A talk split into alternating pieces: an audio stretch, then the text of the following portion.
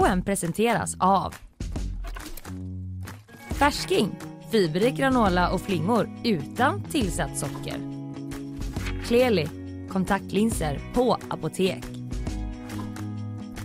Fello, Göteborgs alldeles egna mobiloperatör.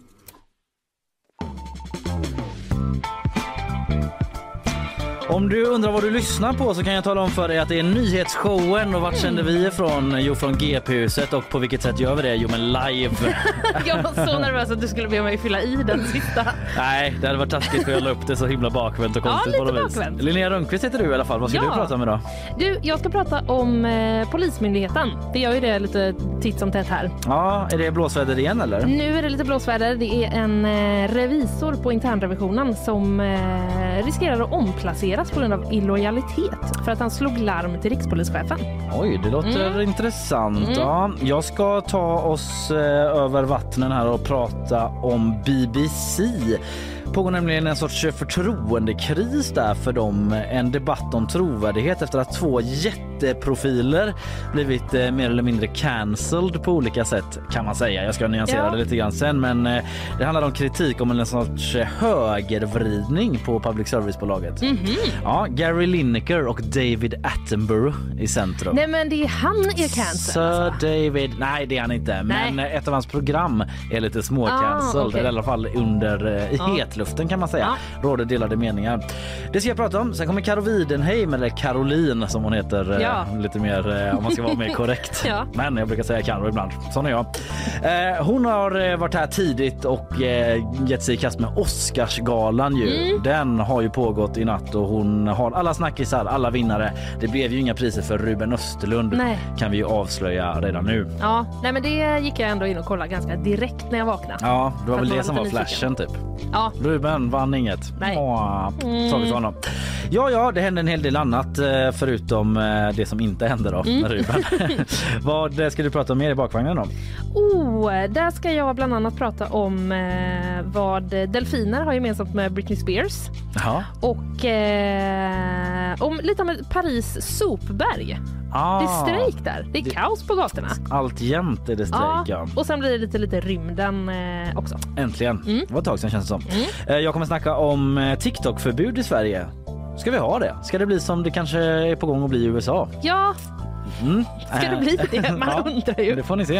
Eh, nya uppgifter också om hur mycket Matt Hancock hatade Anders Tegnell. Nåja, hatade, men eh, eh, Storbritanniens gamla hälsominister. Covid-kille. Ja, covid-killen ja. Mm. Eh, Efter fortsatt granskning av The Lockdown Files. Just Vi har pratat det. lite om de här med eh, läckta sms och sådär. Ja, Så det blir en del om det. ja. Annars topp tre uselt väder under Jaså? morgonen va? Tycker du ja, inte? ja, jo. Jag trodde det var en grej du hintade om att du skulle berätta Nej, nej, bara en Nyhet. personlig reflektion. Eh, det har varit eh, faktiskt helt uselt, ja. Det är liksom det här snöblandat regn Mm. som blåser in från sidan samtidigt Ja. som ett snötäcke på ett eh, antal decimeter ganska långsamt smälter bort. om Man Ja. bara klafsar runt i det. Det är det verkligen. Jag körde bara helt eh, rakt på min sån eh, som jag och Fanny pratade om som hon kallar förhållandejacka. Alltså Jaha. när man har en jacka som inte är snygg Ja. för att man är i ett förhållande så man behöver inte, ja. Mm. Jag har bara Eh, såna. Du har bara såna, du har kanske en annan pappaparkas också som jag brukar kalla det. Ja, kanske. Ja. Oj, varmt så man kan liksom stå och putta på en gunga i tre Ja, timmar. ja, typ att jag inte har det men att jag önskar Du att jag hade det. Borde ha det. Jag hade inte haft några problem med att ha det. Ja, Mm. nej jag körde i alla fall, du vet, och som en luva och så bara så drar man åt. Ja. Så att knappt bara South ögonen. Park-stilen. Ja, verkligen liksom. Mm. Mm. Ja, South Park-stil uppmanas till eh, alla där ute idag om ni inte har kommit ut ännu.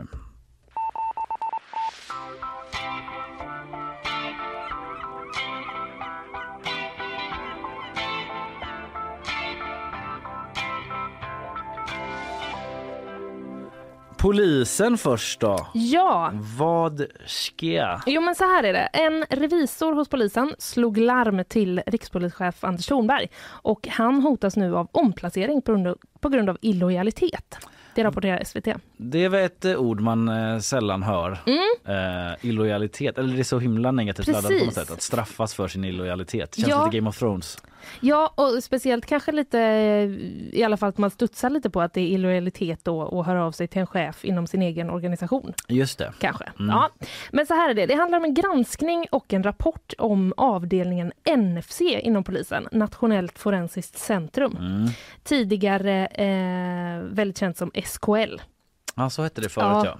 Men de, jag bytte kanske för att det var samma som Sveriges kommuner och eh, regioner. ja. Nej. Eller landsting då då. Ja, landsting. nu är det regioner. Ja, Det hör inte hit. Vi går vidare. Ja. Eh, nej, men det är polisens egna revisorer då som har gjort den här rapporten. Men när de var eh, klara så ändrades rapporten efter att då chefen för NFC, alltså avdelningen som granskades, hade åsikter om den. Jaha, Det så här de revisorerna, hej det är vi som ska liksom granska det ni håller på med. Ja. Det här har vi kommit fram till. Ja, Det här gillar jag inte riktigt. nej, Och så, precis. ja. De uppger då liksom att de fick påtryckningar. Okej. Alltså påtryckningar från chefen och efter det så ändrades eh, rapporten.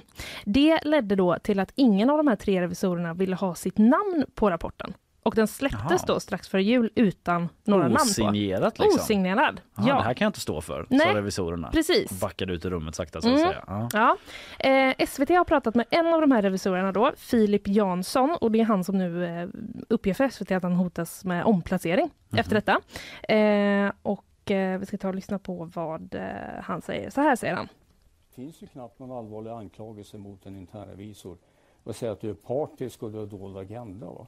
Nej, jag tycker faktiskt det är fruktansvärt. Man tar ju heder och ära av mig. Alltså. Jag har jobbat i 35 år som polis och det är inte så här jag har tänkt att gå i pension om några år. När man gör så här mot mig nu, vilket budskap skickar man till alla andra medarbetare? Mm. Det var lite lågt men jag hoppas man hörde hyfsat Ja, ändå. tagen heder och ära av Ja. upplever han att han har blivit. Precis, Ja. det var SVT som hade klippt ihop eh, det här eh, klippet med Mm. olika saker som han säger då. Mm. Eh, och NFC då, om vi bara ska ta lite kort vad de gör, som ju det här handlar om. Mm. Eh, det är då Nationellt forensiskt centrum som jag eh, nämnde. Mm. De gör tekniska undersökningar. Eh, så de går igenom beslagtagna mobiler, de undersöker vapen och eh, kanske mest kända då för allmänheten för att de gör eh, DNA-analyser. Ja. Väldigt eh, essentiell del av Ja. eh, förundersökningar och brottsutredningar Ja. har man ju förstått allt mer eh, senare år. Ja men precis, det är ju dit polisen skickar då olika saker som de kanske har tagit Ja. i beslag i olika utredningar. Så blir det och kö ibland för de har mycket att göra och Ja. blir saker stående och så vidare. Känner man igen från olika deckare om inte annat. Ja, eller- det kan vara så. eller hur? Från ringa och liksom ligga på NFC och vara så här nu får du fan se till att sätta upp oss på prioriteringen här. Buda dit och sådana grejer. Ja. Nej, men det, har, det har länge varit då väldigt långa väntetider Mm. eh, där. Och eh, det har beskrivits då som en flaskhals i polisens utredningsarbete. Mm. Det kan vara så att man håller på med en förundersökning och så måste man kanske invänta svar från NFC. Ja, det har man ju det. hört någon gång, typ åklagare som är så. Mm. Vi inväntar bara svar. Sen Och så ska sitter vi man där kan inte riktigt gå vidare innan man Nej. har fått de svaren. och trumma på ja, spela bordet. Candy Crush och så vidare. Ja. Ja, eh, precis. Eh, att man, Kanske. de, de kanske liksom kan titta på någon annan utredning samtidigt. ja, men jag Så. tänk, Mm. ja, Men jag fattar vad du menar. Jag, kände, jag kände att det var grovt, jag, vet, jag kände att det var grovt med jag säga att polisen sitter och spelar Candy Crush bara för att de väntar på NFC. Ja, nej, men så behöver det inte vara. göra, Men. Men eh, på sin fritid kanske de gör det. ja, I minst lika stor utsträckning som alla Men andra. det håller vi isär. Ja, det håller vi. Absolut, det håller vi Mm. isär. Eh, SVT rapporterar då att den här kritiken har funnits i tio år ungefär mot Mhm, NFC. Så det är mm. inget eh, nytt liksom. Och att eh, de ska också då, förutom det här att det tar lång tid, så ska det ha varit problem med deras egen IT-teknik. Jaha. Med eh, datorer som inte byts ut, alltså blir gamla. Ja. Man sparar in på licenser, eller man har färre licenser till olika det. program man behöver och eh, nyanställda då som inte får tillgång till olika verktyg och sånt där. Det känner man igen från andra arbetsplatser. Man Känner man- känner man igen. dator. Man bara, vad menar ni är Ja. nyheten med det här? Exakt. Du kan inte göra det senaste som alla gör på den här Nej. versionen av Nej. det här programmet. Nej. För vi har inte uppdaterat den. Det Mm. går inte. Nej. Men eh, strax före jul så släpptes då den här rapporten från polisens internrevisions eh, av Mm. NFC. Mm.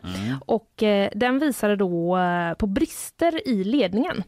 Mm. Eh, för chefen för NFC och chefen för nationella operativa avdelningen, de har delat ansvar för den forensiska verksamheten. Som, Som det här är faller NFC, under då. ja. Mm.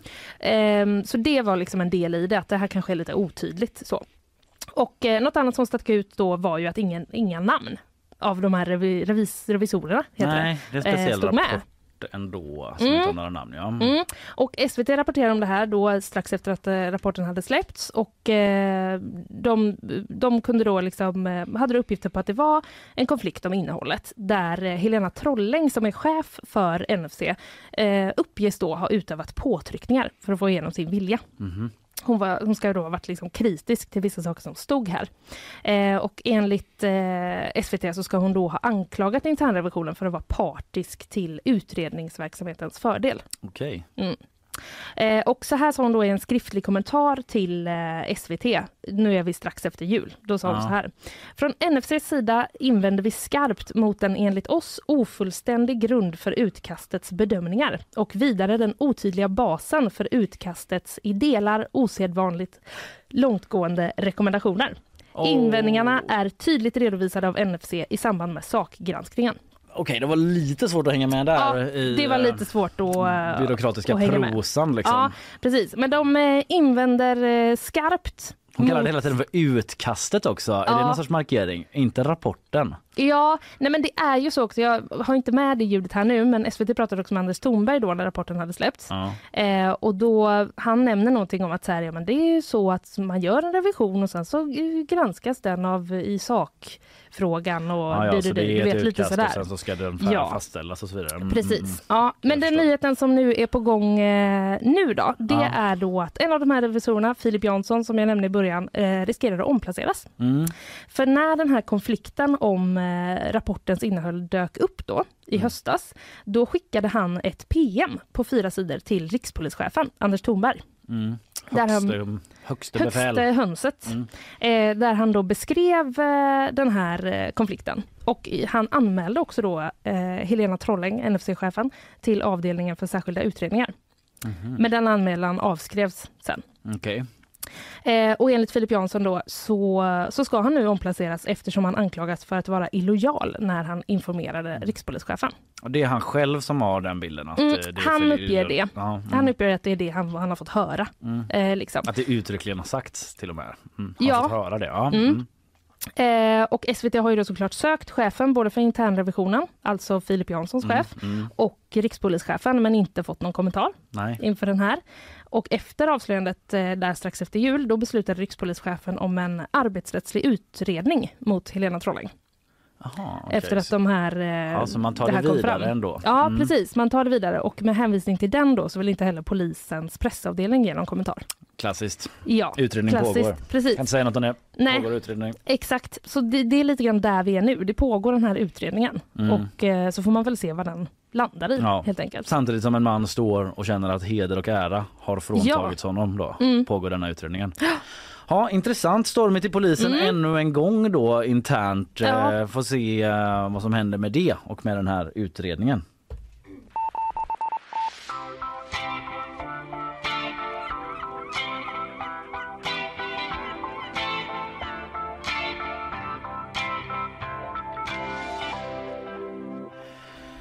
Vi ska snart få ett nyhetssvep från Isabella. Sen ska jag eh, ta oss till Storbritannien och prata om BBC-krisen. Ja, Ett förtroende, en förtroendestorm kring det brittiska public service-bolaget innehållande en av deras bästa fotbollsspelare genom tiderna, Gary Lineker och legendaren, den adlade Sir David Attenborough. det är ju onekligen kittlande detta. Visst är det, visst är det. Du ska få höra allt om det om en liten stund. Först lyssnar vi på allt våra sponsorer har att säga.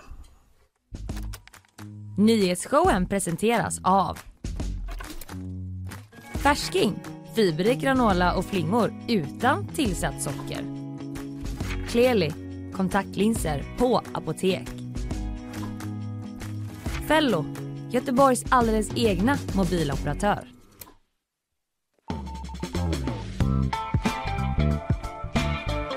Jätte, jättebra skämt av Karl som ingen eh, kommer få eh, höra. Ja.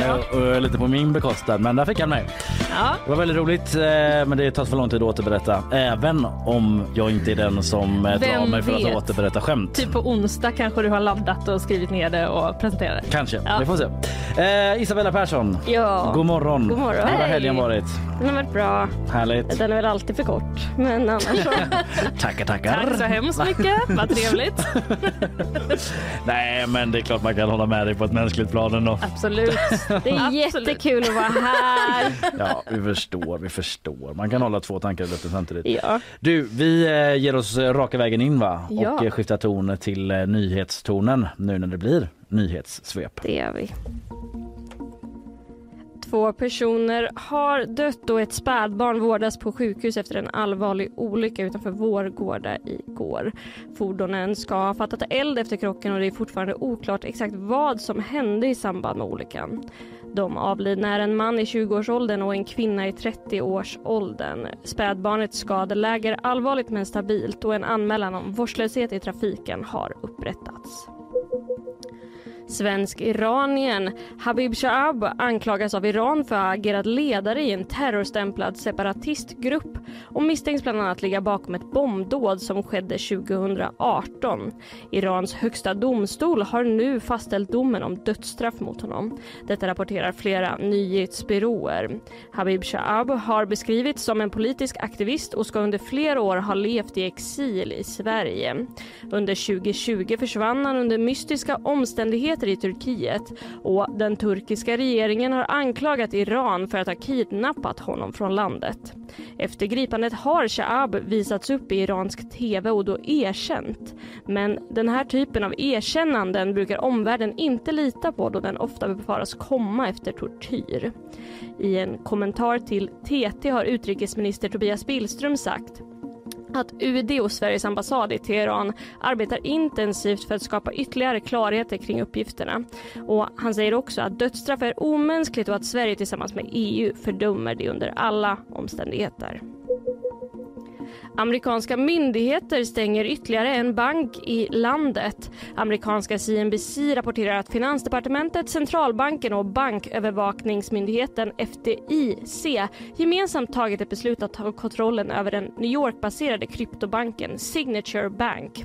Agerandet är en följd av att man i förra veckan stängde Silicon Valley Bank och man säger nu att man stänger Signature för att skydda kunder från förluster och att skattebetalarna inte ska få ta smällen. Signature Bank är enligt CNBC en av de viktigaste bankerna inom kryptoindustrin och ska ha tillgångar på upp mot en miljard kronor. Tack Isabella. Intressant det här med bankerna. Det är väldigt eh, intressant. Ja, vi tänker oss att försöka följa upp det imorgon Mm. om vi får till det. Kanske med någon gäst som kan förklara, oss, förklara för oss lite ytterligare. Det är ju lite komplicerat det där. Verkligen, och man undrar lite också vad följderna eller man tänker tillbaka på 2008 när det blev en Ja. bankkris. Är det USA. början på en så? Det, det får vi väl se. Vi pratar med någon som... Man ska eh, inte överdriva. Finansministern där i USA sa att det inte var så. Exakt. De var väldigt så, det här är inte samma sak. Nej. Eh, Och då byggde det ju också på hela den här eh, fastighetsbubblan. Ja. Mm. Nu är det ju någonting annat som har med statsobligationer. Jag försökte läsa på en del om det här igår. Liksom, Jag att med. det Det var har med. Mm. statsobligationer. Att den här Silicon Valley Bank har liksom gjort en normalt sett väldigt säker Mm. investering i sådana papper. Men eftersom att räntan har gått upp så jäkla mycket så blir det en dålig investering och då tog alla ut sina pengar och så blir det en sån där snöbollseffekt. Mm. Som det ju blir. Men eh, ja, det finns mycket i det där eh, som man skulle vilja reda i. Vi hoppas att vi kan göra det lite mer imorgon då. Tycker jag. Tack så länge Isabella, Tack. hörs om ett tag. Eh, där.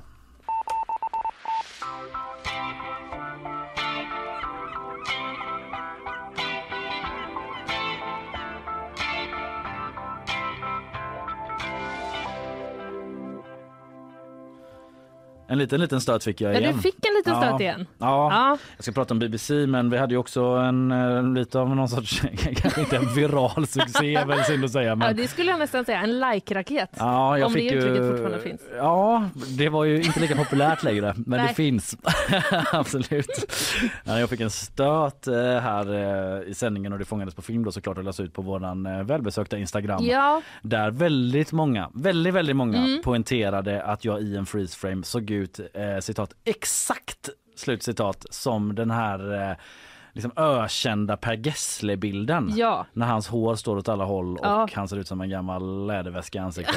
det är något speciellt han ser ut Ja, som det faktiskt. var mycket så. Lika som bär Ja, och så vidare. ja, det här Eh, lades ut på våra stories men man behöver inte vara orolig för att eh, det har vi gjort en höjdpunkt av. Ja, Så det är bara att gå in. perfekt. Så där kan man eh, göra olika memes då på Mm. budget Per Gessle. Fritt alltså fram. jag. Fritt fram. Du, vi tar en liten sån här så gör jag mig i ordning bara. I ordning. Nu ska vi prata om himla BBC-cruisen. Ja, jag vet, jag bara liksom skakar av mig hela det här Per Gessle-debaclet och eh, tar mig rakt in på det jag ska prata om egentligen, nämligen BBC-krisen, eh, eller i alla fall debattstormen då i Storbritannien. Vi tar oss dit. Public service-bolaget BBC skakat. Så här lät det i brittisk tv i helgen. First, though, to the news which broke in the last few minutes surrounding Gary Lineker and the BBC. The presenter is to step back from his role on Match of the Day, while the controversy around his comments on the Home Secretary Suella Braverman and the government's immigration policy continues. Ja, Gary Lineker alltså, en av eh, Storbritanniens bästa fotbollsspelare genom tiderna. Eh, och eh, den här nationalsporten, det är ju så stort. Och han har varit programledare också i 25 år ungefär på det klassiska tv-programmet Match of the Day då. Där han är programledare och någon sorts expert. Ja, då är det ändå ingen liten profil. Nej, snackar alltså om- det är ju liksom Glenn Strömberg-nivå tänker jag om man ska jämföra eh, med någon i Sverige. Alltså någon som har varit expert Mm. eh, och liksom hållit folk i handen genom väldigt många turneringar och matcher och så vidare samtidigt som han har varit en legendarisk spelare då. Mm. Han har varit programledare i 25 år för det här Match of the Day där man alltså visar engelsk fotboll då eh, och eh, nu så har han stängts av från det jobbet efter en kommentar i sociala medier på Twitter om eh, nuvarande regeringens asylpolitik. Vi kan lyssna lite till här. Comparing the language used to launch a new government asylum policy with 1930s Germany. Ja, han jämförde alltså den brittiska regeringens asyl, asylpolitik med Nazityskland. Okej. Och det är ju en sån där jämförelse som får folk att haja till. Ja, det är det ju. säga. Eh, vi ska återkomma till exakt vad det var han eh, skrev då, men det här har lett till en slags förtroendekris för BBC, åtminstone en debatt som blossat upp då om public service-bolaget som handlar om liksom vad ska man få tycka som Mm. anställd på public service, även om det är i en sociala medier utanför sändningstid och så. Ja. Vad är okej att säga? Hur mycket ställning ska man få ta? Mm. Och det här görs eh, lite grann av en annan händelse som vi också ska återkomma till. Ja. Där en annan väldigt folkkär, legendarisk tv-profil i Storbritannien är i centrum, nämligen David Attenborough. Känd från eh, alla de här Life och... Från alla naturfilmer man Exakt. någonsin har sett. Ja! Vast! In the vast wastelands Ja. of Siberia. The Penguin. The Penguin. Fan vad vi blandar upp. Jag tappade helt och hållet Ja, jag här nu. Kände att jag brukar ha en ganska bra David ja, Attenborough i mig. men jag, men fa- eh, jag, det blev fel. jag Liksom. återkommer alltid till den. Alltså det är inte ens ett ord, det, men det känns som att han säger så. Shh. Vörs? Nej, ja. Fortsätt bara. Jag är inte med det där riktigt men i alla fall. Men det är den andra eh, storyn som vi återkommer till då med Attenborough i fokus och ett av hans program då som också eh, det råder lite delade meningar men som har liksom skymts undan lite grann. Upplever man då. Men Lineker, Lineker då, han stängs av som, från sitt eh, jobb och det har också lett till en sympatistrejk då från flera andra medarbetare på brittisk tv och radio. Det var nämligen inte bara Gary Lineker som saknades från Match of the Day i helgen. So, match of the day will have no presenters, no pundits, possibly no players, no commentators. Ja, det var ingen Oj. där. Finns det ens något kvar då? Ja, det finns ju matchbilder som Ja. rullar helt okommenterat i tv. Ja. Det här var från BBC när de sammanfattade läget i sin egen kanal. Gud, det där eh, måste ju också vara så himla speciellt. Att det, man rapporterar om nyheten som handlar om det egna företaget man jobbar på. Ja typ. precis, vattentäta skott mellan Ja. nyhetsredaktion och ledning då Ja, ja. Mm. Eh, tänker man sig att det är. Eh, men många be- medarbetare, till exempel Alan Shearer, en annan eh, Mm. profil, eh, fotbollsprofil, har eh, gått ut i någon sorts sympatistrejk då och det var eh, tyst vad gäller kommentering och programlederi då över de här matcherna. Man har liksom gått ut och bett om ursäkt för det, typ förlåt att det var en sån himla dålig upplevelse från ledningshåll. Eh, men så gick det till. Eh, men då undrar man ju då vid det här laget, om man inte gjorde det redan tidigare, vad är det för någonting som Gary Lineker opponerat sig mot? Ja, Jag tar hjälp av Erik de la Reguera på eh, DN som förklarat att det i praktiken eh, eh, handlar om ett lagförslag som kommer som gör att eh, alla som kommer till Storbritannien med båtar över Engelska kanalen eller på andra sätt som betraktas som illegal, illegalt kommer nekas möjligheten att söka asyl oavsett var de kommer ifrån eller var de flytt undan. Så att man kommer efter en eh, tuff resa över Engelska kanalen kanske fram och bara hej jag har flytt från eh, kanske Jemen Ja. eller whatever och de bara det spelar ingen roll. Eh, ni får inte söka asyl här Nej. om ni kommer hit på det här sättet. Typ så. Något som FNs flyktingorgan UNHCR då uttryckt stor oro över och att det skulle innebära ett klart brott mot FNs flyktingkonvention. Ja, för det känns som att man har hört att eh, så får man inte göra enligt eh, något. Nej, de har ju lite andra upplägg där i Storbritannien, eh, till Ja. exempel att man eh, ska skickas till ett tredje land om man kommer eh, dit och söker asyl. Eh, Jaha. Men eh, de menar liksom att nu, nu får det inte plats mer här i Storbritannien Nej. utan då ska man skickas till Rwanda till exempel där man har fått ett eh, avtal. Men man har Mhm. vad jag förstår inte kunnat skicka folk dit ännu för att det juridiskt är komplicerat. Ja, Men det är den typen av förslag som har förekommit även i eh, andra länder. ja. Man ska skicka folk till, eh, det har varit uppe i debatten i alla Mm, fall mm. här i Sverige. Att man skulle skicka liksom, asylsökande till andra länder och så också. Ehm, I alla fall då, det handlar själva frågan om och det som Lineker var emot var inte då själva förslaget bara utan också tonen i hur man pratar om det. Mm. Själva tweeten från Lineker som jag snart ska redovisa då var en kommentar till ett videoklipp där Storbritanniens inrikesminister Suella Braverman till ganska suggestiv musik då basunerade ut sloganen Stoppa båtarna och hon förkunnade i det här klippet då att om du tar dig hit illegalt kommer du hädanefter inte kunna stanna utan du kommer att sättas i förvar och skickas tillbaka till ditt hemland om det är säkert där eller till ett eh, säkert tredje land som Rwanda. Och det är det här då som eh, han är kritisk mot, Gary Lineker. Även oppositionen då, Labourpartiet är kritiska mot detta. Så här att det kommer bara sätta eh, tusentals människor i en situation av att vara papperslösa. Och eh, just det här avtalet med Rwanda har fastnat i domstol och eh, det är liksom ingen eh, gångbar lösning just nu fullt ut och många ursprungsländer vägrar ju ta emot eh, medborgarna när de väl har flyttat. Man skickar tillbaka som bara nej nej nej. Nej. Eh, Så de ser många problem med det förslaget då. Och själva tweeten då till slut från Gary Lineker, vad var det han skrev? Han skriver först då, det finns inget enormt inflöde av flyktingar, eh, lägger jag till då.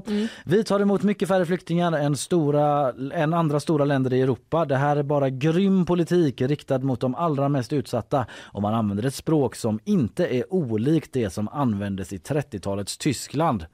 Därav eh, Nazityskland-referensen då. Så Ja. det var så den lät ordagrant översatt till svenska då självklart. Ehm, och det stämmer också att Storbritannien tar emot färre flyktingar än andra europeiska länder. Eh, stora europeiska länder alltså jämförbara med dem. Eh, men den här eh, jämförelsen med eh, 30-talets Tyskland har ju mm, hur som helst liksom, eh, oavsett det upprört. Den här inrikesministern Braverman säger att det är osmakligt och menar att Lineker förminskar den fruktansvärda tragedi som miljoner gick igenom. En kommentar från henne. Vad säger Gary Lineker om Ja. sin tweet nu då? Ja, Vad tror du?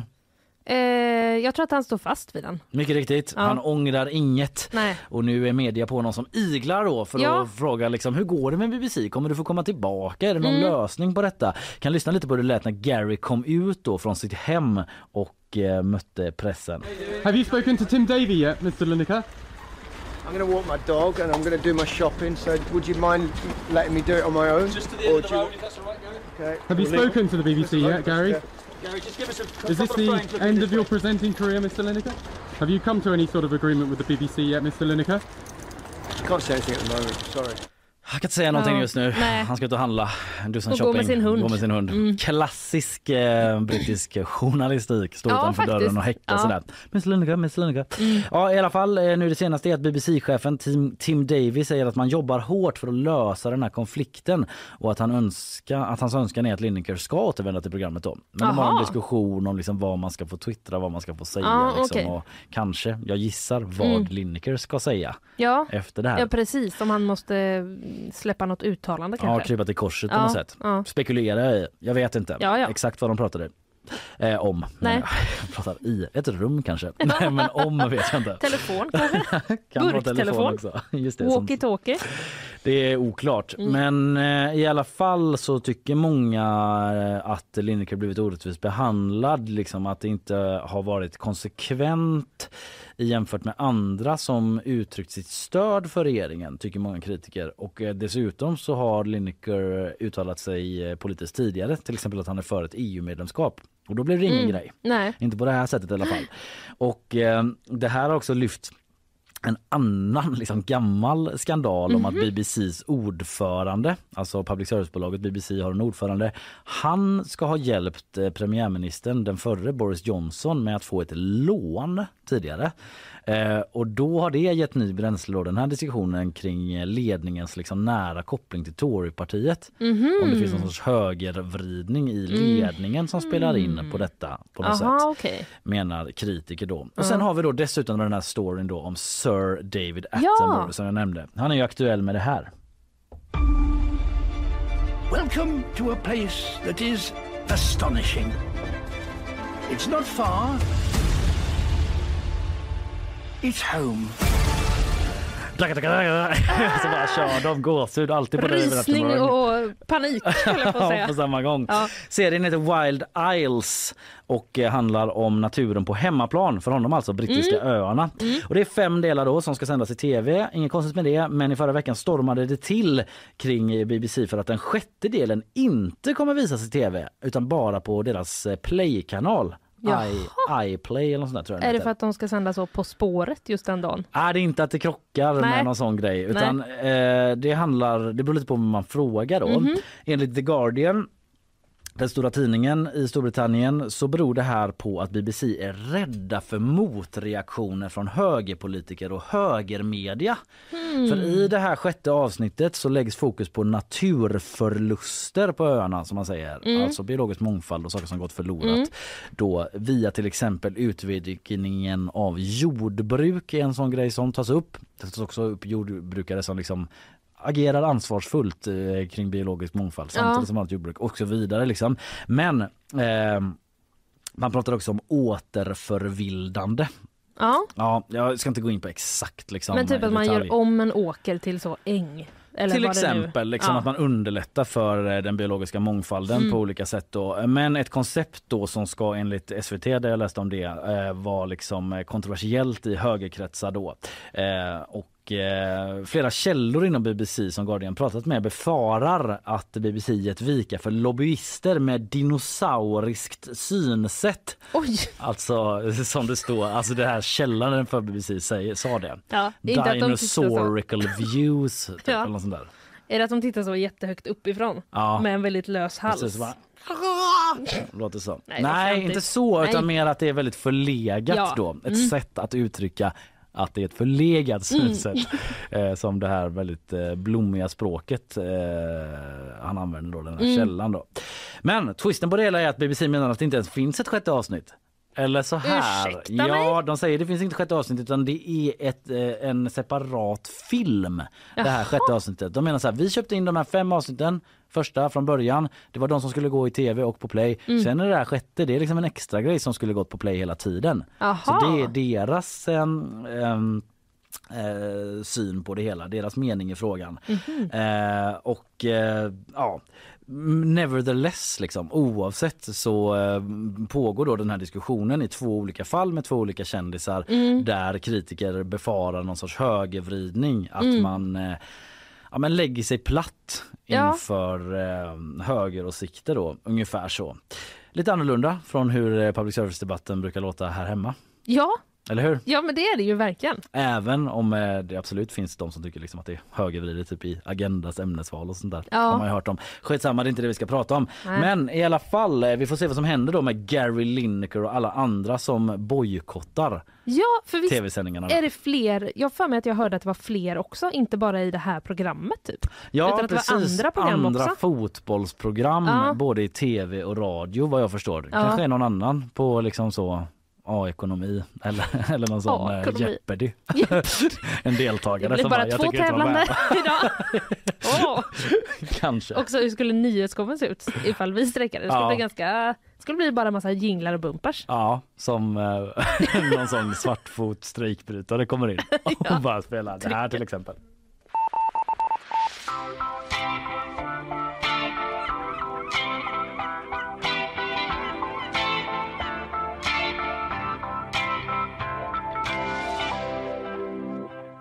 Snart kommer Caroline Widenheim hit då. Ja. Vi ska snacka Oscarsgalan. Mm. Rykande färska snackisar från Mm. galan som hölls i natt svensk tid då. Mm, det känns som att den pågår i fem, sex timmar eller?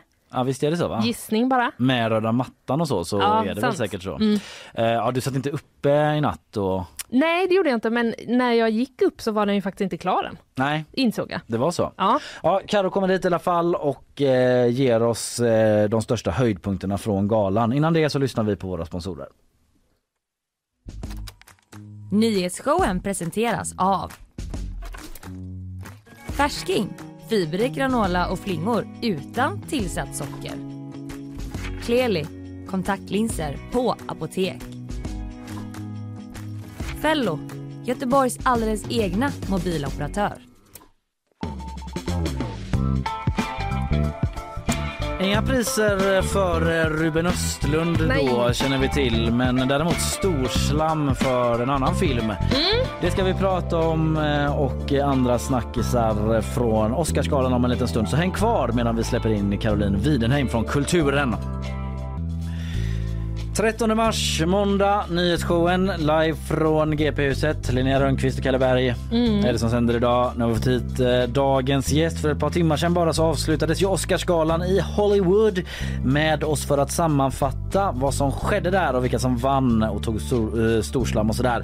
Det är från Kulturen vår kollega Caroline Widenheim. God morgon Karo. God morgon. God morgon. Hur eh, har morgonen varit för dig? Du har ju försökt liksom eh, kasta dig in i allt som skett här under natten. Ja men det är ju bara en virvelvind av glamour och tårar och tacktal. Ja. Det är det. det är det verkligen. Är du en liksom så Oscars, eh, en Oscars-Gary? Men mm, jag är svag för de här starka känslorna som blir. Det är jag. Jag är svag för de dramatiska kläderna. Mm. Så att det finns mycket att gilla. Ja, jag, jag är ofta svag för monologerna lite grann. Det var Jimmy Kimmel i år då. Jag började surra lite grann. Men ja, strunt samma. Men vi börjar i det som är liksom den stora snackisen eh, inför i alla fall här i Sverige. Ruben Östlund nominerad i eh, tre kategorier. Hur gick det för han? Det gick inte så bra. Nej, Det blev ingen Oscar. men- megatorsk. Megatorsk, som Ruben brukar säga. men eh, man får också sätta det mot att men dels är det ganska ovanligt att en svensk film blir nominerad i Ja. de här kategorierna. Det är väldigt tunga kategorier. Ja, ja, ja, bästa Ja. film, bästa regi. Det är ju så här, det är ju Ingmar Bergman förra gången liksom, som har vunnit de här Det är faktiskt helt sjukt. Så att, ja, på ett sätt att man han får- har blivit nominerad i tre kategorier. ja, men ja, alltså diplom för att du deltog, säger Ja, jag. han verkligen. Fick han något sånt? Ja. Det vet vi inte. Nej, men han har inte sagt Hoppas det. någonting ännu, någon kommentar sådär vad, vad man har kunnat, Inte än. eh, vad som har publicerats, vad vi har sett. Nej, och jag har ringt, jag har smsat, men jag har inte fått något svar. Nej. Men vi har ju våran utsända frilansreporter Sanna Posti Sjöman på plats i Mm. Los Angeles. Ja, Hon pratade med Ruben inför galan. vad sa han då? då? Eh, Hon frågade om han kände sig lite ödmjuk inför situationen och då sa han först ja och sen nej. För det är klart han inte är ödmjuk. Det Nej. går ju inte ihop med hans... eh, Jag tycker han har pratat om att han inte alls har varit nervös och sådär. Men också att han trodde att han Ja. inte skulle vinna. Nej men man undrar ju lite hur mycket som påverkar honom. Han verkar ju vara lite som en gås, liksom. allting bara rinner av honom, allting bara, han bara glider igenom världen som om ingenting riktigt liksom biter. Mm. Ja, men det är lite som att allting är ett socialt experiment. Liksom. Allt kan bli en del av en film. Liksom. Att det är så här, intressant att du tycker det. lite så är. Exakt. Ja. Ja, bara noterar utan Ja. att värdera. Typ. Men eh, vad tänkte jag på? Eh, ja, men på ett sätt så, vi pratade lite om det i fredags innan vi gick hem här, men att eh, eh, med tanke på hur stort det ändå är, alltså senast någon var nominerad från Sverige var typ Ingmar Bergman, nu är han i tre kategorier. Pratas det för lite om hur stort det är? Eller hur upplever du det? Ja, men vi har väl lite haft det här snacket på kulturredaktionen också, att man blir lite så, borde det vara mer hype? Borde det vara mer snack? Är vi lite, liksom lite mätta Mm, Mm. på Ruben Östlunds framgångar? Och det går ju jättebra för honom. mm. Guldpalmen i Cannes, liksom blir hedersordförande, och, nej inte hedersordförande, han blir ordförande i nästa år. Ja. Eh, men det är kanske är någonting som har med den här personligheten att göra då, att han verkar så oberörd. Mm. Och då går man liksom inte igång på det. Nej, det Nej. kanske är något inbyggt fel i journalistiken också att man så snabbt vill vidare. Men om, om han hade varit så yeah! Eller Ja. det kanske han gör. Det kändes inte helt eh, orimligt när jag gjorde det. Nej, eller hur? Nej, det kändes det, det, liksom det där är ju hans signum. Ja, för så gör han väl ändå? Att stå och vråla. Ja, Ja, men exakt. då kan man ju tycka att det borde väcka någon slags engagemang. Ja, och nu fick han ju inte vråla då tyvärr den här gången. Nej, men jag såg på, jag såg på filmens, alltså Triangle of Sadness eget Twitterkonto. Mm. Hade lagt upp någon liten filmsnutt på när han liksom gjorde en sån här, ni vet hoppa upp i luften, slå ihop fötterna med varandra. Ja, den gamla Inför. Den gamla grejen. Det gjorde han i alla fall inför galan när de liksom peppade igång. Ja, okej. Ja. Men är det inte det också som är typiskt? För det känns ju inte som en genuin glädjeyttring. Sant! Nu när du säger det. så. Ja, verkligen. lite. För det var ju också massa, alltså skådespelarna i filmen stod liksom uppställda bakom. Och så tog han så några skutt fram, hoppa upp och slog ihop eh, fötterna. Ja. Nej, kanske det ser ni. Du har vunnit en miljon. Hade man gjort det då? Hoppat upp och klackat ihop liksom. Ja, ja, vi får gå in nu lite på vilka det var som vann då trots allt. Det är väl folk som just har vaknat upp. Vilka var det som, vilken var kvällens stora vinnare? Storslam gick ju till Everything Everywhere All At Once. Berätta lite om den filmen. Men det är ju lite som en så lite science fiction fantasy-aktig film då när ehm, Eh, förlåt, jag sitter och läser från vår artikel så någon Mm. som uppdaterar den hela tiden, så som hoppar i texten.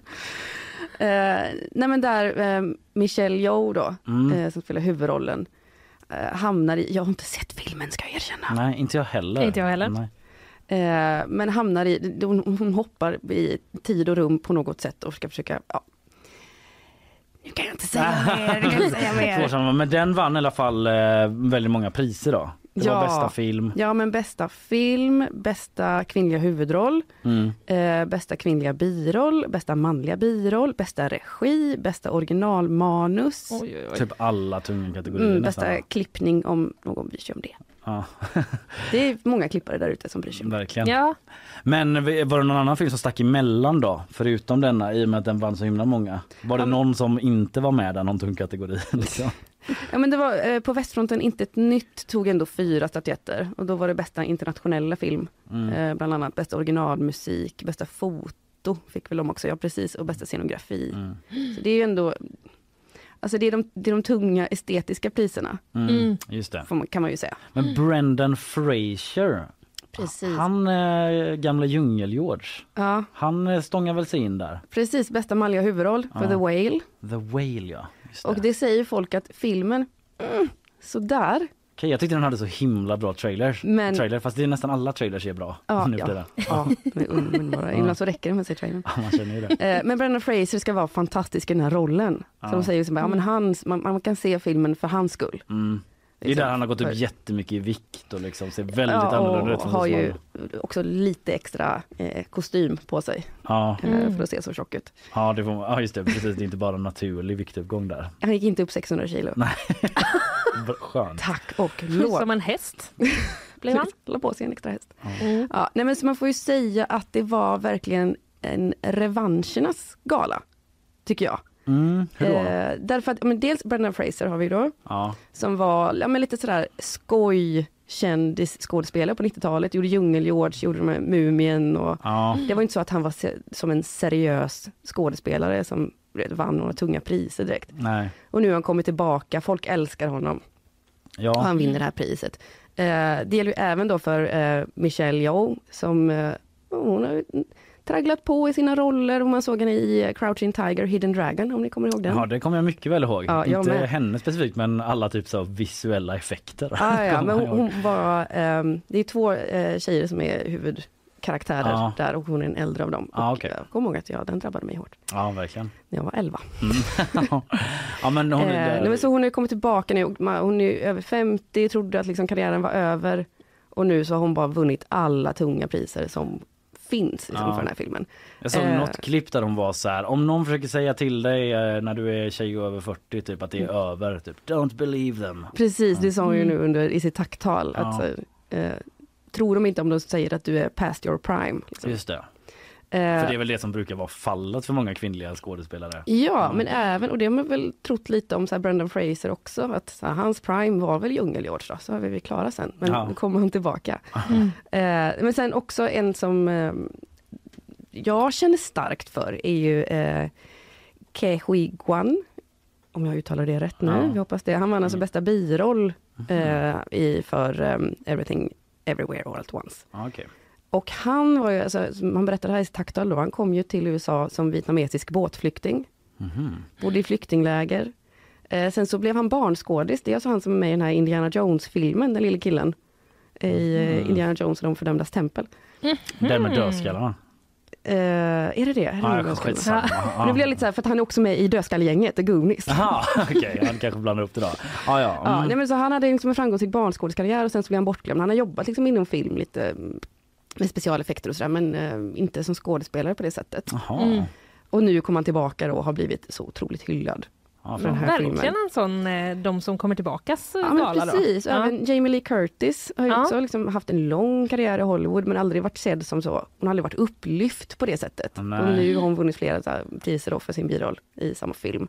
Känns som hon har varit upplyft för sin personlighet. Ja. Att hon har sån rivig personlighet som Hon folk gillar är bara. ju ju. fantastisk, får man säga det? Ja, hon är det va? Ja, det tycker jag har bara alla liksom lä- Det har bara nått mig eh, på avvägen att hon ska vara fantastisk. Ja, hon är det. Lita är på det. mig. Ja, bra. Jag litar på dig. Ja, nej, men och sen så har vi um, vi se Ruth E. Carter, heter hon. Hon är första svarta kvinnan att vinna två Oscars. Hon är Mm. kostymdesigner för eh, Black Panther-filmerna. Ja, just det. Hon har vunnit kostym för båda. Och där hade vi en svensk nominerad också, Ludvig Göransson återigen.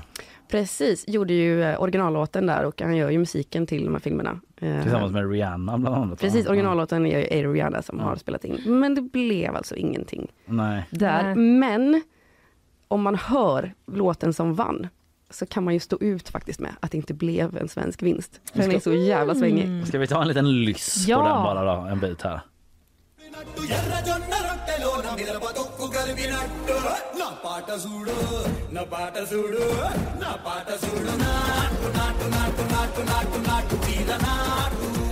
Ja, var, är, var är den här på? Vad är det för låt? Det är från den indiska filmen RRR. Okej. Mhm. Som alla har sett. Ja?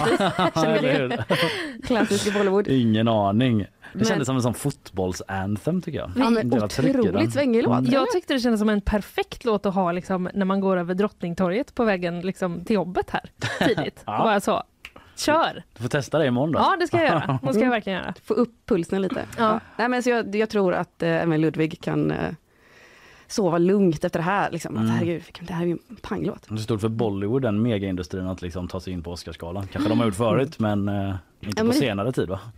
Det skulle jag tvivla Tror på. jag alltså. inte. Nej. Mm. Men det här, och det här säger väl någonting om att Oscarsgalan kanske har tagit åt sig lite av den här kritiken, Oscar so white-kritiken. Mm, varit i flera år. Ja, ja, visst att det är en väldigt eh, vit angelägenhet, eller har varit. Nu har vi liksom, alltså Michelle Yeoh, hon är ju första asiatiska kvinnan att vinna.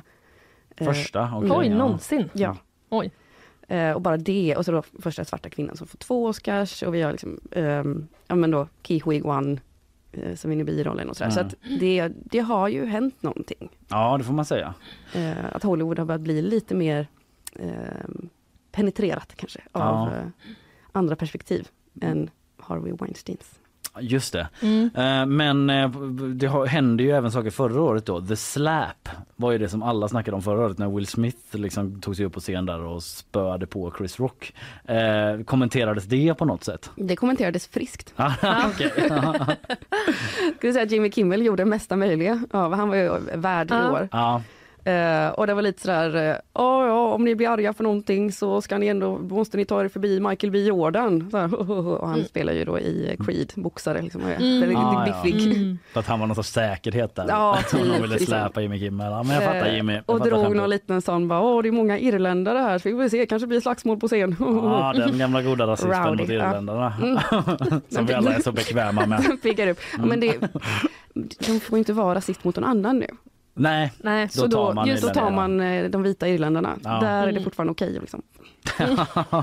Ny båt. Uppenbarligen. Mm. Ja, ja, men det var inget liknande som hände då eh, rent. eh, Det var, ingen fysisk misshandel eller något sånt.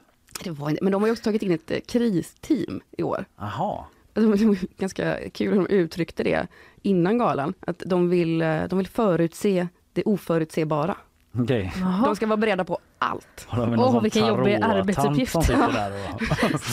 Nu, nej. ja. Försök föreställa dig det, det som du inte ens kan liksom. Eh, dinosaurie, sax, eh, en ballong som är i farozonen. Okej, så- gör den... Ja. Otroligt stormig kreativ workshop hela tiden bara.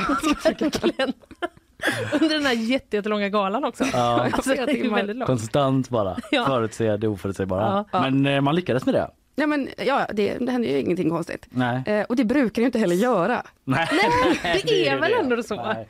Nej, men det här, alltså, den här örfilen, att den fortfarande snackas om är ju för att det var en sån otroligt konstig händelse. Det Ja. ska, alltså, Så här brukar det inte vara på Oscarsgalan.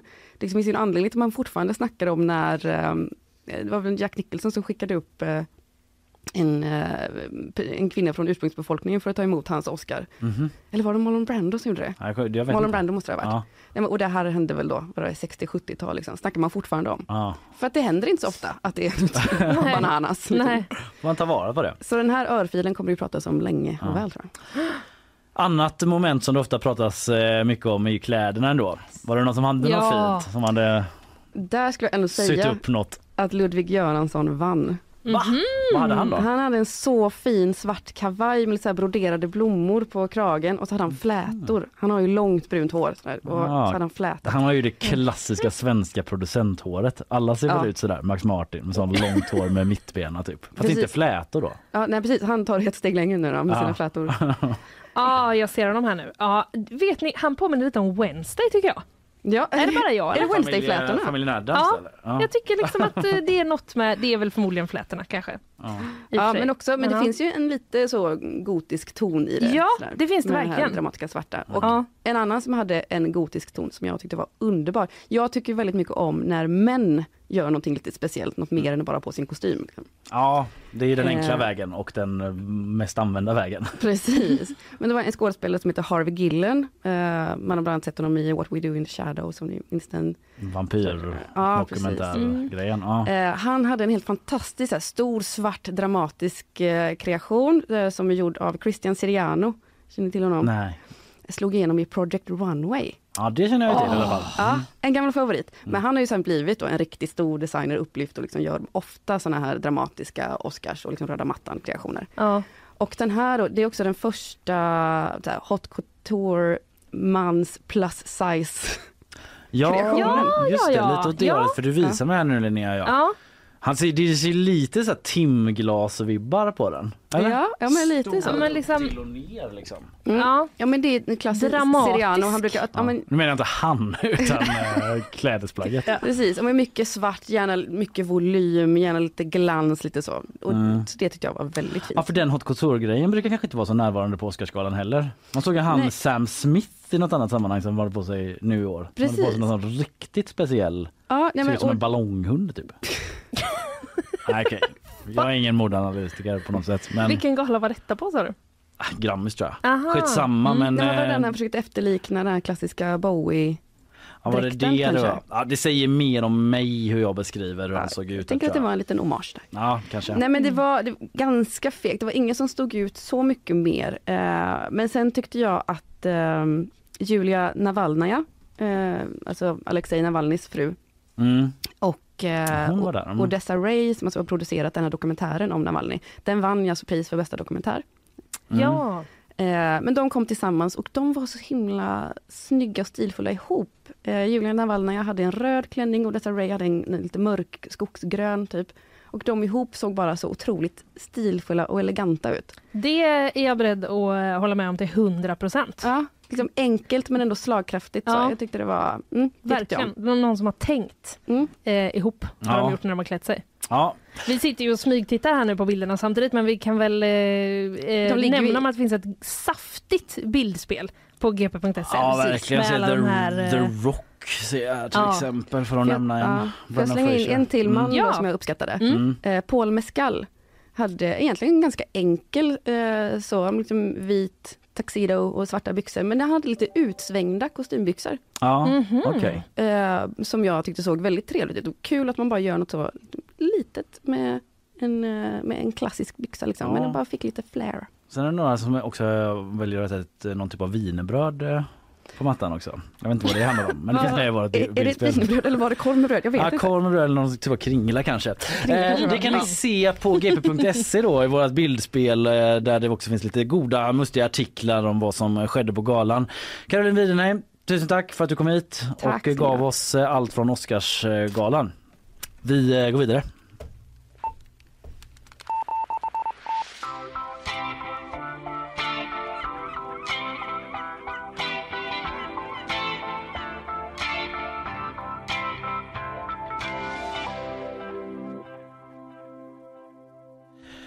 Ja, eh, då har man lite att titta på. Du. Ja, jag, har fan man. inte sett, jag har inte sett en film känner jag av de som eh, var nominerade. Inte jag heller. Inte ens Triangle of Sadness men eh, där får jag ju skärpa mig och eh, förkovra mig lite grann. Men jag är fast i serieträsket liksom. Det är så jäkla mycket Ja, serier. men ja, det är ju det. Mm. Jag tänker också så här, herregud, bio kommer jag att tänka på nu. Jag har inte varit på bio sedan innan pandemin. Typ. Nej, det är Vad är det för fel på en? Ja.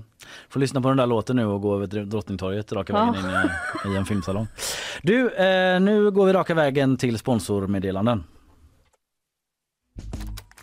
Nyhetsshowen presenteras av Färsking, fiberrik granola och flingor utan tillsatt socker. Kleli, kontaktlinser på apotek. Fello, Göteborgs alldeles egna mobiloperatör. Isabella Persson prånglar sig upp på våra lite otympliga stolar här och Ja. eh, jag frågar dig, har du sett någon av de här filmerna som? Nej, jag har inte det. Nej. Det känns som eh, oroväckande ofta det är filmer som vinner priser som man inte har sett. Men, lite, Ja. men det är kanske inte så lätt heller när man ska liksom bingea 49 mil skidor var och varannan helg. Exakt, som exakt. du, eh, då hinner man inte med något annat. Där har jag ibland funderat över när vi pratar om så här, vad har ni sett i helgen? Och så kan ni prata om så, "Ja, men jag har sett det här. Jag bara, men gud, hur har Ja. ni hunnit? Vad har jag gjort? Så Ja, bara, precis. Just det. Kolla på 50 mil skidor. Ja. De vinner aldrig några priser, de sändningarna, eller? Ja, Eller kan man det? Kristallen Ja, kanske. kanske. Det var sådär. länge sedan. Vinterstudion kan väl slå till med någonting. Ibland, men kanske ja. liksom inte typ så. Men inte så just det där loppet den Nej. dagen. med Intervju den. med Kjell-Ove vid Mångsbodarna, typ, vid Blåbärssoppan. Årets Den- intervju. Den kan förtjäna det ibland. Ja, det kan den Ja. verkligen göra. Du eh, förtjänar att höra nyheter. Det gör ju alla som lyssnar på nyhetsshowen. För det är därför man lyssnar på det här. Man vill ju veta vad som händer. Ja. Så nu ska vi få veta lite mer om vad som händer i världen. Isabella, varsågod, nyhetssvep. Två personer har dött och ett spädbarn vårdas på sjukhus efter en allvarlig olycka utanför Vårgårda igår. Fordonen ska ha fattat eld efter krocken och det är fortfarande oklart exakt vad som hände i samband med olyckan. De avlidna är en man i 20-årsåldern och en kvinna i 30-årsåldern. Spädbarnets skadeläge är allvarligt men stabilt och en anmälan om vårdslöshet i trafiken har upprättats. Svensk-iranien Habib Shahab anklagas av Iran för att ha agerat ledare i en terrorstämplad separatistgrupp ursäkta mig, och misstänks bland annat ligga bakom ett bombdåd som skedde 2018. Irans högsta domstol har nu fastställt domen om dödsstraff för honom. Detta rapporterar flera nyhetsbyråer. Habib Shaab har beskrivits som en politisk aktivist och ska under flera år ha levt i exil i Sverige. Under 2020 försvann han under mystiska omständigheter i Turkiet och den turkiska regeringen har anklagat Iran för att ha kidnappat honom från landet. Efter gripandet har Shaab visats upp i iransk tv och då erkänt. Men den här typen av erkännanden brukar omvärlden inte lita på då den ofta befaras komma efter tortyr. I en kommentar till TT har utrikesminister Tobias Billström sagt att UD och Sveriges ambassad i Teheran arbetar intensivt för att skapa ytterligare klarheter kring uppgifterna. Och han säger också att dödsstraff är omänskligt och att Sverige tillsammans med EU fördömer det under alla omständigheter. Mataffärer är inte rustade för kris eller krig. Sveriges Radio rapporterar att matbutikerna bör ha en höjd beredskap om svenskar ska kunna få mat på bordet vid en eventuell kris, men så är alltså inte fallet. Till exempel måste butikerna kunna förses med energi med batterier eller någon form av dieselaggregat om elen skulle gå. Men det ska vara få butiker som har den beredskapen. Det är inte heller speciellt många butiker som har stora lager utan förlitar sig på leveranser. Sveriges Radio rapporterar att det just nu pågår en en utredning för att eventuellt stärka beredskapen inom livsmedelsbranschen. Man kollar bland annat på Finland där vissa butiker har avtal med staten för att vara just beredskapsbutiker. Tack för det Isabella. Vi eh, ska gå vidare här med eh, fler nyheter. Eh, jag har lite mer om de här så kallade vad är det de heter egentligen eh, nu de här eh, läckta dokumenten, lockdown files Mm. från eh, Storbritannien där ju Sverige hamnat lite grann i fokus. Spännande. Ja, för att det i olika sms snackas en del skit Ja. om Tegnell kan man säga. Vad ska du prata om Linnea? Jo men det blir lite om eh, sopberg och eh, rymdprover från Mars. Just det. Mycket bra Isabella, tack för idag. Tack så mycket.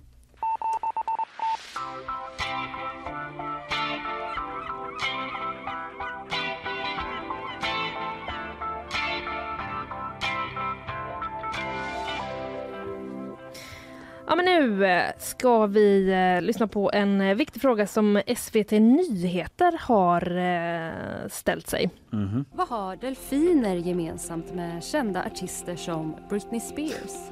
Mm. en timme specialsändning. Nej jag skojar. Ja, det är så brainstorming på redaktionen. Typ. Brainstorm ja, exakt. Ja, det är klart vi kan göra något på det men eh, har du något att gå på liksom? Eller? Ja, det har de faktiskt. Ja, har de har de. Mm. täckning här. Eh, det här eh, är vad de kommer fram till. Likt många artister så använder sig tandvalar som delfiner och kaskelotter av något som kallas knarr. Burn, Britney Spears. Ja, knarr. Ja, ja, ja, ja, ja, ja. Jag vet inte. Tycker du att det här låter liksom som eh, Hit me baby one more time? Hör du den? Supposed to know. Nej, inte riktigt så. nej. Det är kanske lite av en stretch ändå. Lite av en stretch. Som någon ger sig på. Ja, men eh, absolut. Knarr är ju något vi alla har i våra röster ibland. Ja, det kanske är av alla havets eh, olika ljud så kanske det är det som kommer närmast Ja, så kan det vara. om man ska vara, liksom, tolka välvilligt. Ja. Så absolut. Så kan det vara. Men eh, det det nyheten handlar om Ja, egentligen då, egentligen. bortsett från det här sidospåret, det är att eh, forskare har löst eh, mysteriet med hur valar kan sjunga på tusen meters djup trots Mm. att de har så himla himla lite luft i lungorna. Jaha, det gamla mysteriet Det gamla mysteriet som vi alla liksom har Ja. legat sömnlösa Hur går över. det till egentligen? Ja, ja. gör de då? Jag ska jobba imorgon och släppa det nu. Precis, men så går det inte. Och så blir man uppe och googlar. Mm. Och nu kan man då hitta ett eh, svar om man lyckas googla rätt. Det, det som händer när eh, tandvalar då, som Mm. vi har specialiserat oss på här. Till exempel kaskelotter. Exakt. En sorts tandval Mm. om jag förstår det hela Mm, rätt. Mm. Det gör du, det är rätt. Eh, när de dyker då till mer än 1000 meters djup, då blir det ju eh, ett jättehögt tryck på dem Mm. från vattnet. Ja, ja, ja. Och det gör att, eh, det här låter ju väldigt dramatiskt, men det gör att valarnas lungor kollapsar. Mhm. Och eh, luftvolymen som de har med sig när de dyker minskar till 1% av vad det var vid vattenytan. Det är inte mycket du. Alltså det är verkligen typ, om man är bara lite lite klaustrofobisk Mm. så får man ju panik. Och det är då man väljer att bara ja, ja, ja, ja, ja, Det är då de kör It me Oh, baby, one more time. Det är för att de är så nervösa så de vill inte att någon ska höra. Eh, det är därför de är så långt ner. Scenskräck, ja. Mm. Nej, men eh, då håller de fortfarande på med det här klicket. Känner att vi behövde ta det en gång till. Ja, man känner igen det där klicket Ja. ändå. Det är ju delfin-vibes liksom. Det skulle kunna vara så en långsam hackspett eller någon som spikar jättefort. tänker jag. Att det är Ja. någonstans där Ja. som det låter som. Eh, men de producerar ju det här ljudet i alla fall. Eh, korta klickljud som strålar ut framåt i en smal eh, stråle. Och så träffar det kanske en fisk till, till exempel och så studsar det tillbaka som ett eko och så kan de liksom dra en slutsats Mm, där av är det. den. Där är den, ja precis, till exempel den slutsatsen. Ja. Kanske framförallt den slutsatsen. Ja. Men då har ju eh, forskare helt enkelt undrat hur kan de göra det här ljudet när de knappt har någon luft i eh, sina lungor? Mm. Eh, lösningen? Ja, lite av en besvikelse får man ändå säga. okej. Eh, forskarna fann att det går åt extremt lite luft för att göra sådana här klickljud. Ja, ja. Säger zoologen Mats Amundin. Se där ja. Ja, det är en av förklaringarna också till varför valarna har utvecklat den här mekanismen. Så hade de haft mer syre så kanske man hade liksom hört en sån Sånt Ja. annat valljud. Ja. Det mer klassiska. Eller ett sånt bara growl. Det det. hörde jag. eh, Vilken kalle! Den stilen. Den hade de kört. Ja. Stressigt om du är på tusen meters djup och så hör du bara så. ja, redan lite nojig så Ja. och fear of open water. Ja. Så kommer en lilla kaskelott och growlar förbi. Är det någon sån här tonårskills emo-band? Mm. Eller är det en kaskelott? Man vet Ja. aldrig vad man möter. Men eh, det är helt enkelt eh, det som är grejen. Det här är också eh, det här ljudet de gör. De Mm. gör det väldigt högt. Och smärtgränsen då för människans hörsel ligger på 120 decibel. Men Mm. kaskelotten väsnas betydligt högre. Och då säger eh, Mats Amundin, zoologen, så här. Är det så att någon inte vill hålla sig borta, då kan kaskelotten bara rikta sin ljudkanon mot örat på den andra. Och så bränner den av 236 decibel. Och det svider. Rätt i fucking örat. Ja. Så om man är där nere och dyker då och Ja. de bara get the fuck out så gör de en sån rakt in i örat man bara poppar varenda Det är så trumhinna. himla konstigt att tänka sig att det här ljudet kan vara så högt så att det är jobbigt. Ja. Eller? Nej, det är väl inte så svårt att tänka sig. Om det är tillräckligt högt liksom. Jo, jo. Ja. Okej då. Jag ger mig. Nu vet vi i alla fall Ja. hur de kan göra det. Och en varning då. Att ge er inte ner på tusen meters eh, djup Nej. utan öronproppar.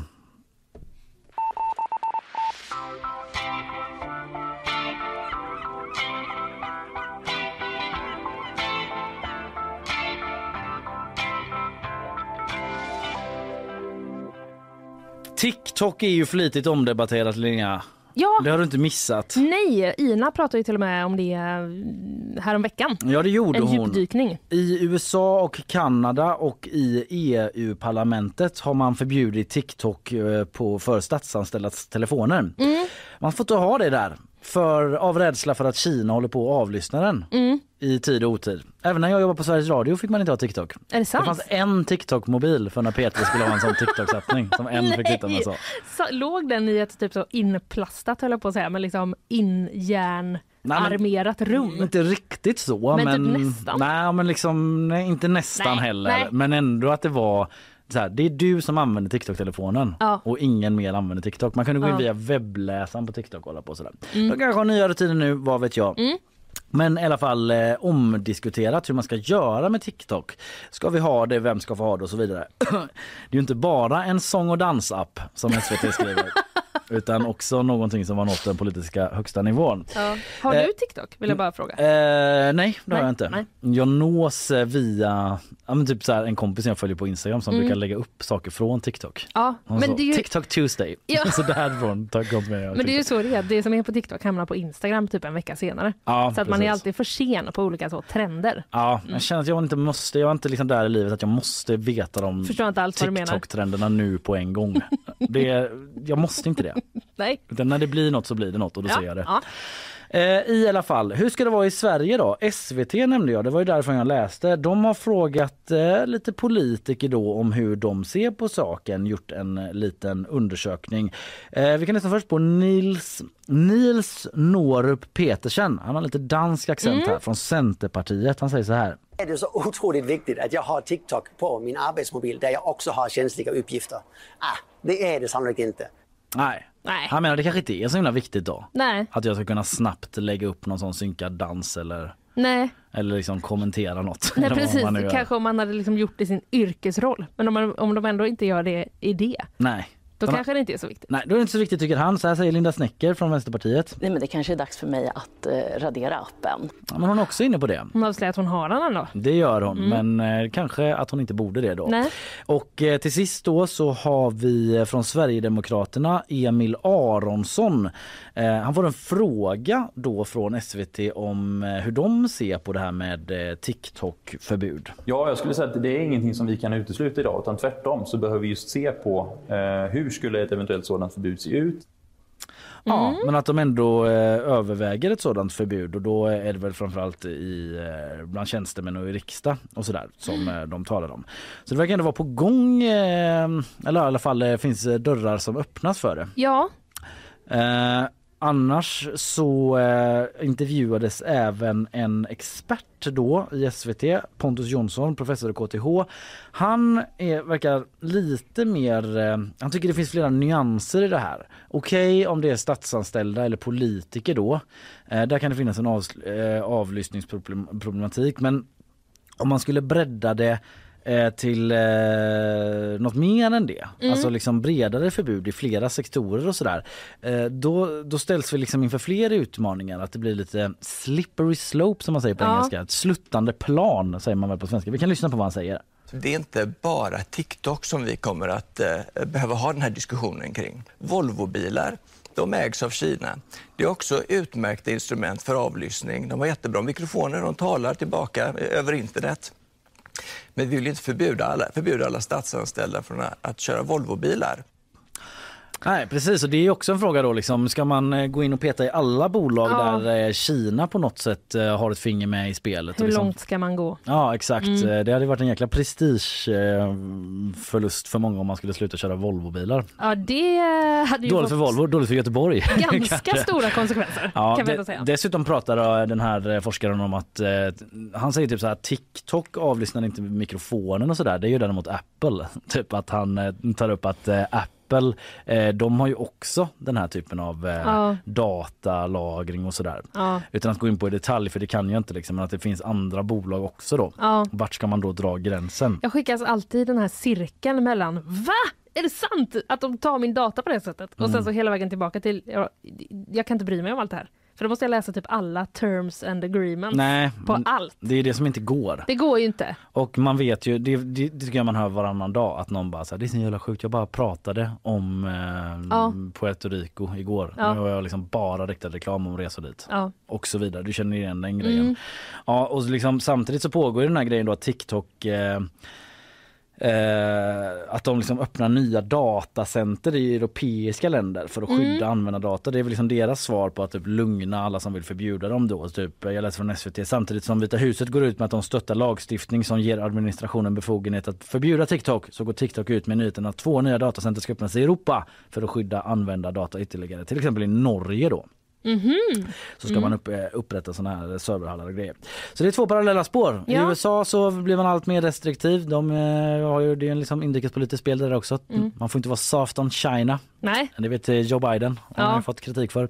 Och här i Sverige så eh, pågår någon sorts liknande debatt då, men vi vill inte alls framme vid något förbud. Men en spännande mm, fråga att följa. Är det Frölunda eller? Ja, Ja, nya loggan. Vad tycker du? den är skitsliten. Något annat som är skitsletet är Paris gator. Jaha ja. Mm, inte själva gatorna kanske i sig, det kan man ju tycka olika om, men eh, i alla fall hur de eh, ser ut. Ja, Mm, för det börjar hopa sig sopberg. sletet. Mm, det kan man väl ändå säga. Ja, får man säga. Ja, efter pensionsstrejk. Det är den här Ja. pensionen som eh, är upphov till eh, mycket i Frankrike just nu. Ja, men vi har ju talat om den en del här. De ska Mm. höja från 62 till 64 va? Precis, Mm. eh, här eh, måste man jobba mer. Förmodligen för att de vill väl ha mer pengar i statskassan kanske, gissar jag bara en nu. åldrande befolkning. Ja, det är ju liknande problem som många europeiska länder står inför. Ja, så är det. Och nu har då renhållningsarbetare i Paris strejkat i en vecka. Och eh, då börjar det liksom eh, märkas, Ja. kan man säga. Eh, det finns en eh, tjusig bild här. Jag, jag är på eh, GP och läser, det är en artikel från TT. Det finns en bild där det är liksom ett sopberg i, eh, framför Eiffeltornet. Det måste man ändå säga så. Oj, är vi i Paris eller? Ja. Ja, så är det. Men nu har de strejkat i en vecka då.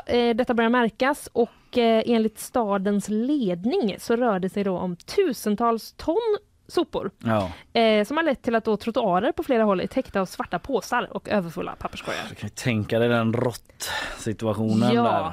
Det Och vad det luktar. Vad kan det man verkligen lukta också. tänka Mm. sig. Ja.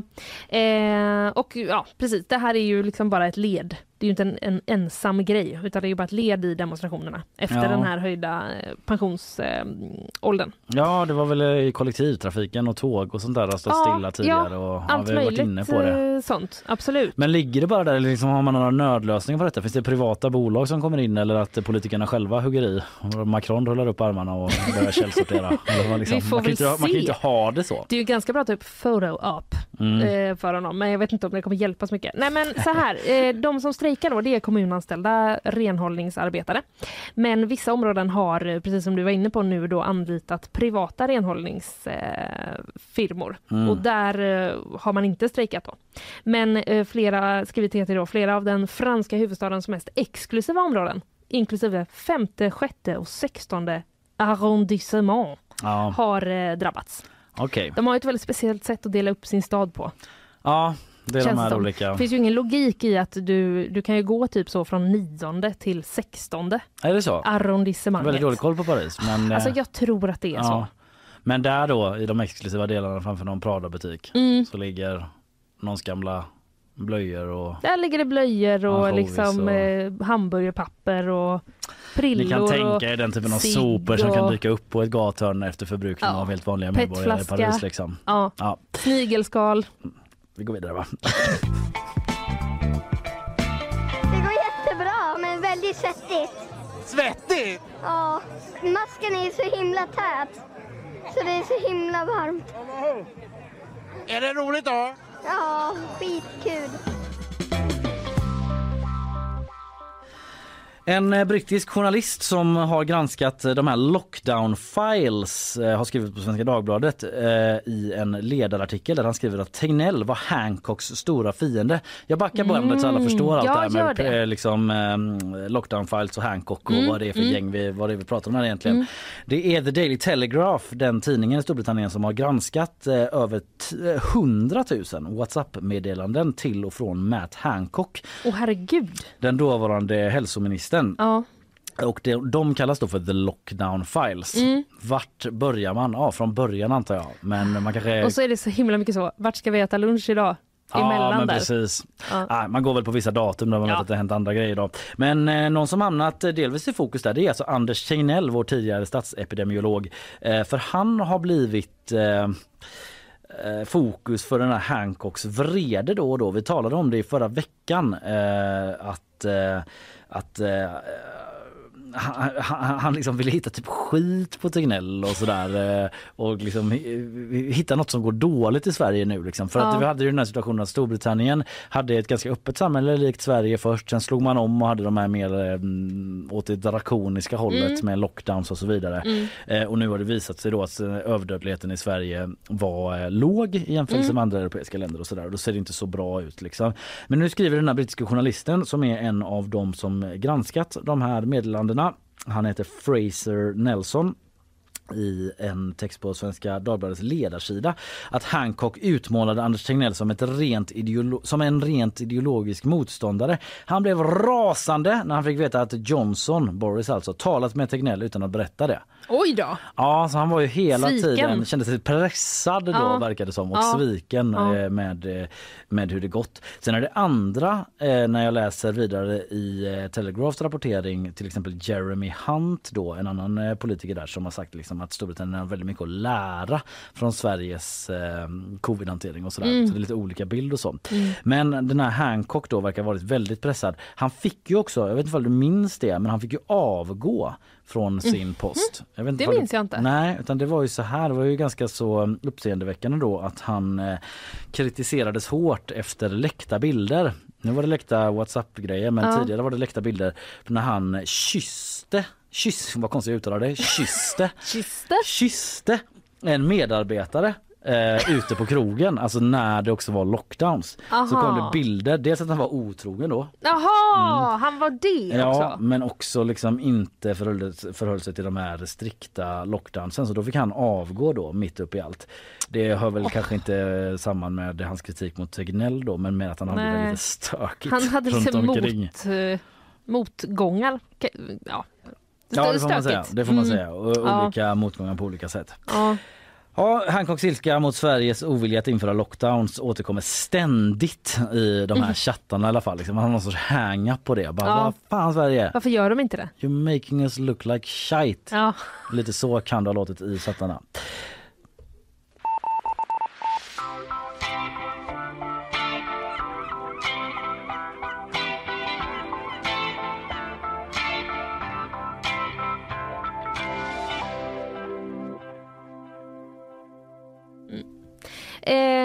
Eh, SVT är jag på igen här, vetenskap igen. Mycket vetenskapsdragning här eh, hos mig. Eh, här ligger proverna från Mars, väntar på att skickas tillbaka till jorden. Mhm. Skriver de. Det är då eh, den här Marsbilen, Perseverance. Kommer du ihåg? Ja, Perseverance. Perseverance kanske. Perseverance. Ni fattar. Den har eh, placerat ut tio blanka metallrör på Mars. Mhm. Och i de här metallrören så är det sten och grus som eh, den här lilla Marsbilen har samlat in och de ska då skickas tillbaka till jorden för analys. Alltså är det inte typ Förlåt men det känns bara så konstigt att vi fortfarande så analyserar grus från andra planeter. Har vi inte kommit längre än så? Ja, men vi kom väl ganska nyss till Mars? Ja, herregud, jo, det och gjorde vi. Det har du och helt så rätt någonstans får man, då får man börja med det som Ja. det finns mycket av där. Det, det är helt korrekt. Vi, vi tar Jag är, stenarna på, bara. jag är på Marsbilens sida här. Ja. Det är lite gulligt att den åker runt där ensam på en sån Det är lite sorgligt på något sätt. Så Wall-E i den filmen. Ja, eller liksom eh, när Sandra Bullock ramlar ut i, i rymden. Typ. I- Ensamt på det sättet också. eh, ja, nej men så är det i alla fall. Nu ska de här då skickas till jorden för eh, analys. En av de viktigaste frågorna är om vi kommer att hitta spår av främst gammalt liv som kan ha utvecklats på Mars för 3 till 4 miljarder år sedan, säger astrobiologen Sandra Siljeström. Det är spännande ändå. Åh, man blir lite svettig. Alltså när jag eh, var ung och gick i skolan, Ja. då fick man ändå höra att, eh, eller så jag minns det som att det är så här, liv på Mars, nej, nej, nej, nej, nej. Vad är det för trams? Gröna gubbar. Ja, Mm. eller hur? Mm. Men nu är det ändå lite så, det ska vi kolla på. Ja, verkligen. Det, för de, det de gör här de sedimenten, det är någonting att det ska funnits vatten på Mars då? Exakt, det är Jazero-kratern eh, som finns på Mars. Den har varit fylld med vatten tidigare och det finns, eh, det finns tydliga spår av vad som ser ut som ett delta skriver eh, SVT. Och i och med att det då har, eh, verkar ha funnits rinnande vatten under Mars tidiga historia så betyder det ju också att eh, liv skulle ha kunnat utvecklas. Där. Ja. Nålen Höstack eh, skriver Karl, eh, producent, att ta tio prover på en Ja. hel planet. ja, verkligen. Nu är väl Mars lite mindre än jorden va? Men, eh, Tror eller är den större? Ja, Jag är osäker. Oavsett så pratar vi om en hel planet. Man bara, Ja, här precis. tar jag. Fast man har ju åtminstone koncentrerat sig till det här delta sjö-grejen så det är inte riktigt så. Får jag ändå eh, Men du, vet du, jag vet, in. jag vet faktiskt inte om det är just därifrån den tar eh, proverna. Nej, okej. Eh, men det kan, vara, det kan vara att det är så. Men, Ja, när får man ta en kik på de här proverna då? ja, För det är inte bi- bilen själv som gör det. Nej, det är det Den inte. ska skickas hem då, redan sagt det ska det. skickas hem till jorden, ja precis. Och eh, brace eh, yourself då för att först år 2033 kommer proverna hit. Okej. Så vi kollar alltså på Mars stenar om tio år. Klassisk rymdbummer. Det är alltid den här typen av perspektiv. Orimligt lång tid kan man Ja. tycka, men rimligt väl förmodligen. Det är väl krångligt att göra det. Ja. Ja, ja, vi sitter som på nålar eh, när vi väntar på den här eventuella nålen i den eh, symboliska höstacken. Tio små järnrör. Som är i mars. Från rymden. Tio små järnrör. Ja. Eh, idag har eh, du lyssnat på nyhetsshowen men om du inte har hört hela programmet så kan jag meddela att vi inledningsvis eh, pratade om, jag var då Linnea? Jo, men jag pratade om eh, polisens eh, revision. De, polisens internrevision har gjort en granskning och en rapport om eh, NFC. Ja, Nationellt forensiskt centrum. Precis, och eh, nu då är det så att en av de här eh, revisorerna eh, slog larm till rikspolischefen efter en konflikt där och eh, uppger nu att han hotas att omplaceras. PGA illojalitet Exakt. upplever han i alla Ja. fall. Ja, det var en intressant historia. Eh, Jag har pratat om BBC och eh, debatten som pågår om deras oberoende efter att Gary Lineker, den eh, fotbollsikonen får man säga, blivit eh, cancelled om man säger så från eh, ett eh, väldigt klassiskt program där då, samtidigt som David Attenborough också har eh, hamnat lite i i den här stormen då Mm. angående vad som ska visas och inte på eh, BBC. Ja, det är en lång historia. Ni får lyssna på den bakåt så fattar ni. Dessutom var Caroline Widenheim här från Kulturen och gav oss eh, alla rubriker från Oscarsgalan. Det Ja. blev ju inga statyetter för eh, Ruben Östlund. Däremot storslam för, vad heter den här? Everything. Everything everywhere all at once. Ja, så. Kanske, något liknande i alla Något i fall. den. Den var en jäkla massa priser. Ja, det gjorde den. Vill slå ett slag också för att gå in och kolla i vårt eh, saftiga, saftiga bildspel på vad alla hade på sig. Ja. Finns på gp.se. Precis, eller vår app då självklart. Du, eh, så länge så säger vi tack och hej. Ja, det gör vi. Ut i slasken med er och Yes. gör det bästa.